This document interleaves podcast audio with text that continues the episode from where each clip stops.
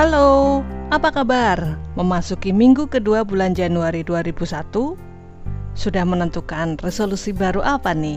Atau meneruskan resolusi tahun lalu aja yang tertunda? Hahaha Well, apa pun itu, good luck ya Nah, kali ini podcast Lila Bercerita ingin mengajak kalian untuk bersama mendengar sepenggal kisah dari buku karya Putut Ea berjudul Para Bajingan yang Menyenangkan.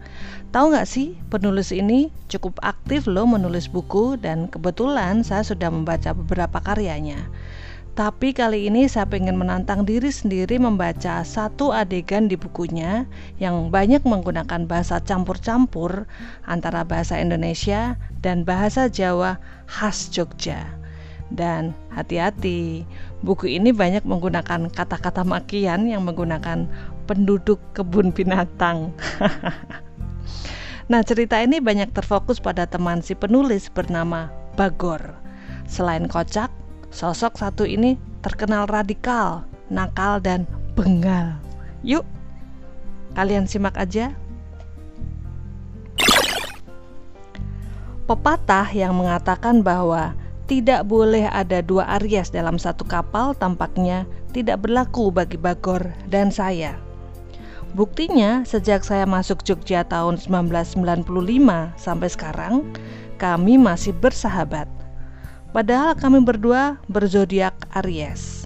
Walaupun sering kali berteman dengan dia itu artinya makan hati. Suatu saat ketika awal kenal dia, saya bertanya dengan serius, "Gor, dulu kamu SMA mana?" SMA Geger, katanya kalem.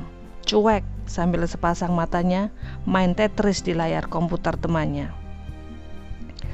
Geger yang dimaksud adalah punggung dalam bahasa Jawa.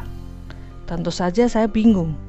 SMA geger, apa itu? Apanya SMA Taruna Nusantara? Dengan masih penasaran saya bertanya, SMA geger itu apa? SMA yang letaknya di belakang pabrik susu.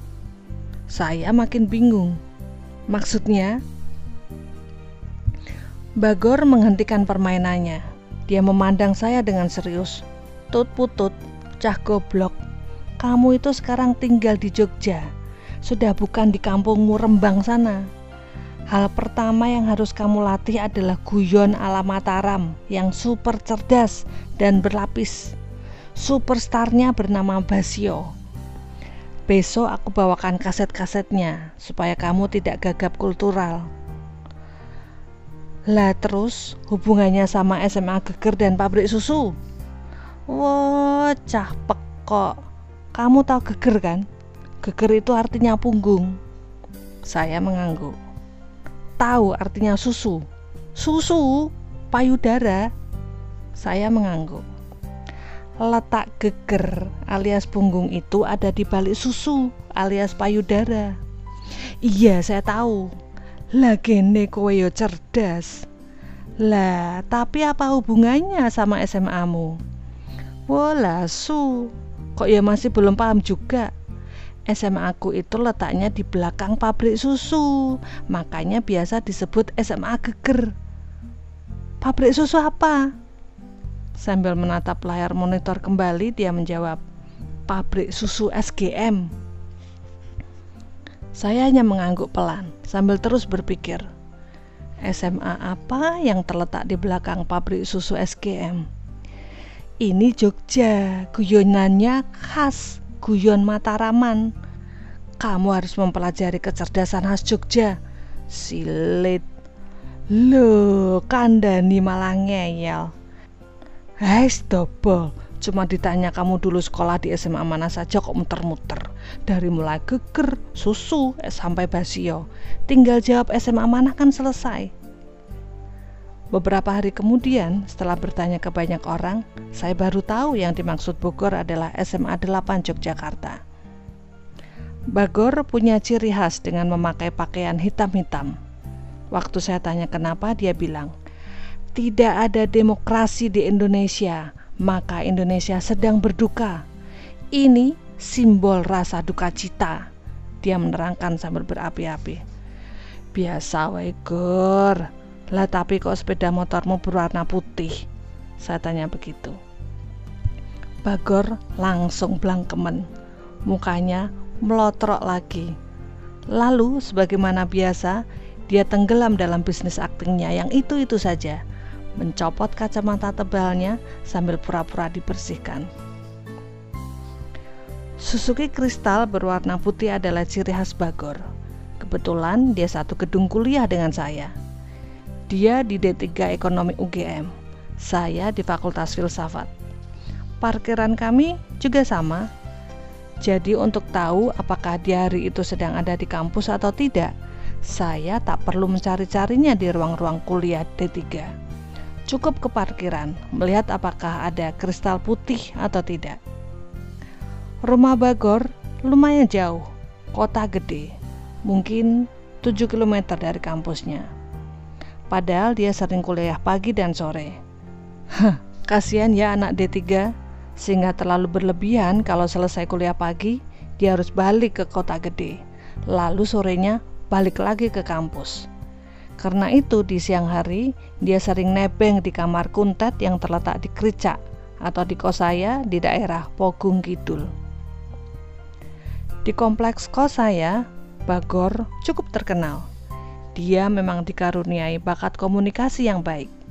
Sehingga kalau kristal putih dengan suaranya yang khas itu masuk ke pelataran kos saya, teman-teman saya langsung tahu siapa yang dicari. Saat itu tidak banyak orang yang naik sepeda motor. Setidaknya di kos saya, separuh lebih tidak punya sepeda motor. Dan Bagor dengan kemurahan hatinya mempersilahkan teman-teman saya pinjam motor dari mulai untuk mencari makan sampai memfotokopi materi kuliah. Suatu hari, begitu dia masuk kamar saya, saya sedang asik membaca buku. Buku apa itu? Tanyanya penasaran. Buku sejarah Islam, kata saya sambil menunjukkan ke mukanya. Sampul buku yang saya bawa dengan tulisan spidol jelas sekali. Sejarah Islam di Indonesia. Hah, Nggak mungkin kamu baca buku Islam-Islaman, katanya sambil melihat bagian dalam buku yang sedang saya suntuki. Wah, bajingan, kamu kok baca Madilog? Dapat dari mana? Saya kemudian bercerita kalau saya dapat dari Nining, kakak angkatan saya dulu. Dulu, untuk mendapatkan bacaan-bacaan macam Madilog dan karya-karya Pramudia Anantatur, kami harus sembunyi-sembunyi oleh seseorang bernama Nining itulah aktivis PRD, saya dapat bacaan-bacaan itu. Dengan syarat semua harus tepat waktu. Misalnya di kampus, Nining memberi saya bacaan Madilog. Dia akan berpesan, ini harus selesai tiga hari ya. Hari Rabu jam 11, ketemu di sini lagi. Kalau kamu telat ngasih, kasihan yang lain yang mau baca. Begitu juga kalau saya kehabisan bacaan terlarang, saya biasanya mencarinya di kampus. Mbak, jejak langkah ada nggak? Tunggu hari Jumat. Anak yang pinjam pulang kampung nggak bilang-bilang. Balik ke kamar, Bagor sambil mengeluarkan udutnya bilang, Kamu kenal Samsul toh? Ya kenal, kan sahabatmu. Dia baca madilok, langsung sakit tifus.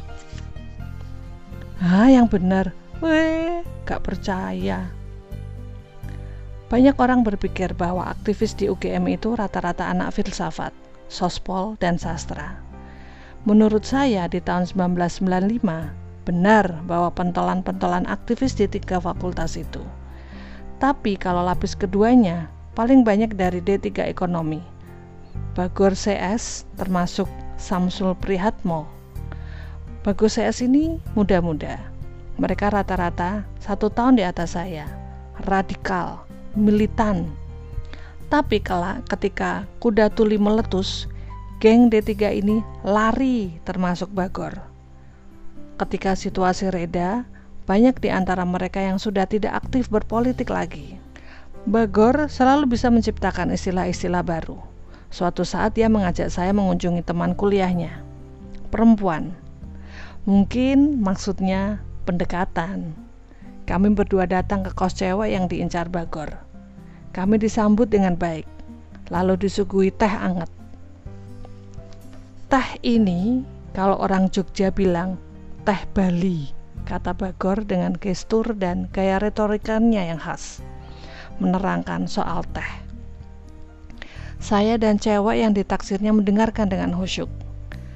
Teh Yogya itu teh terbaik di Indonesia. Kental, pekat, pahit, mak glek. Kami berdua makin terpikat untuk mendengarkan. Makin ke timur, teh makin bening, makin tidak enak.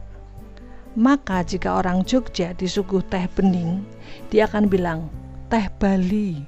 Maksudnya teh yang dibuat makin jauh dari Jogja. Ya, kayak teh ini, ujar Bagor dengan pede menunjuk kedua gelas minuman di depannya yang disuguhkan untuk kami. Perempuan itu langsung berkata lirih. Berarti teh bikinan saya ini nggak enak ya mas? Bagor terdiam.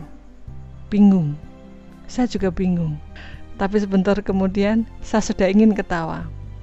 Mas, maaf, saya harus mengerjakan tugas kuliah. Kami berdua lalu pamitan. Saat naik boncengan sepeda motornya, saya berbisik ke telinga Bagor. Gor, kowe ngerti ra? Apa? Bahwa kowe ki cah goblok. Asu, goblok. Ben, syukur diusir alus goblok asu kristal putih pun bergerak lemas oke bagian yang saya baca tadi adalah dari halaman 91 sampai ke halaman 97 ada banyak guyonan khas Bagor lainnya yang bisa kalian dapatkan di buku Para Bajingan yang Menyenangkan karya Putu Tea. Untuk selanjutnya mungkin saya akan membacakan beberapa adegan lainnya dari buku ini. Tetap saja stay tune di podcast Lila Bercerita. Terima kasih sudah mendengarkan. See you in ICU.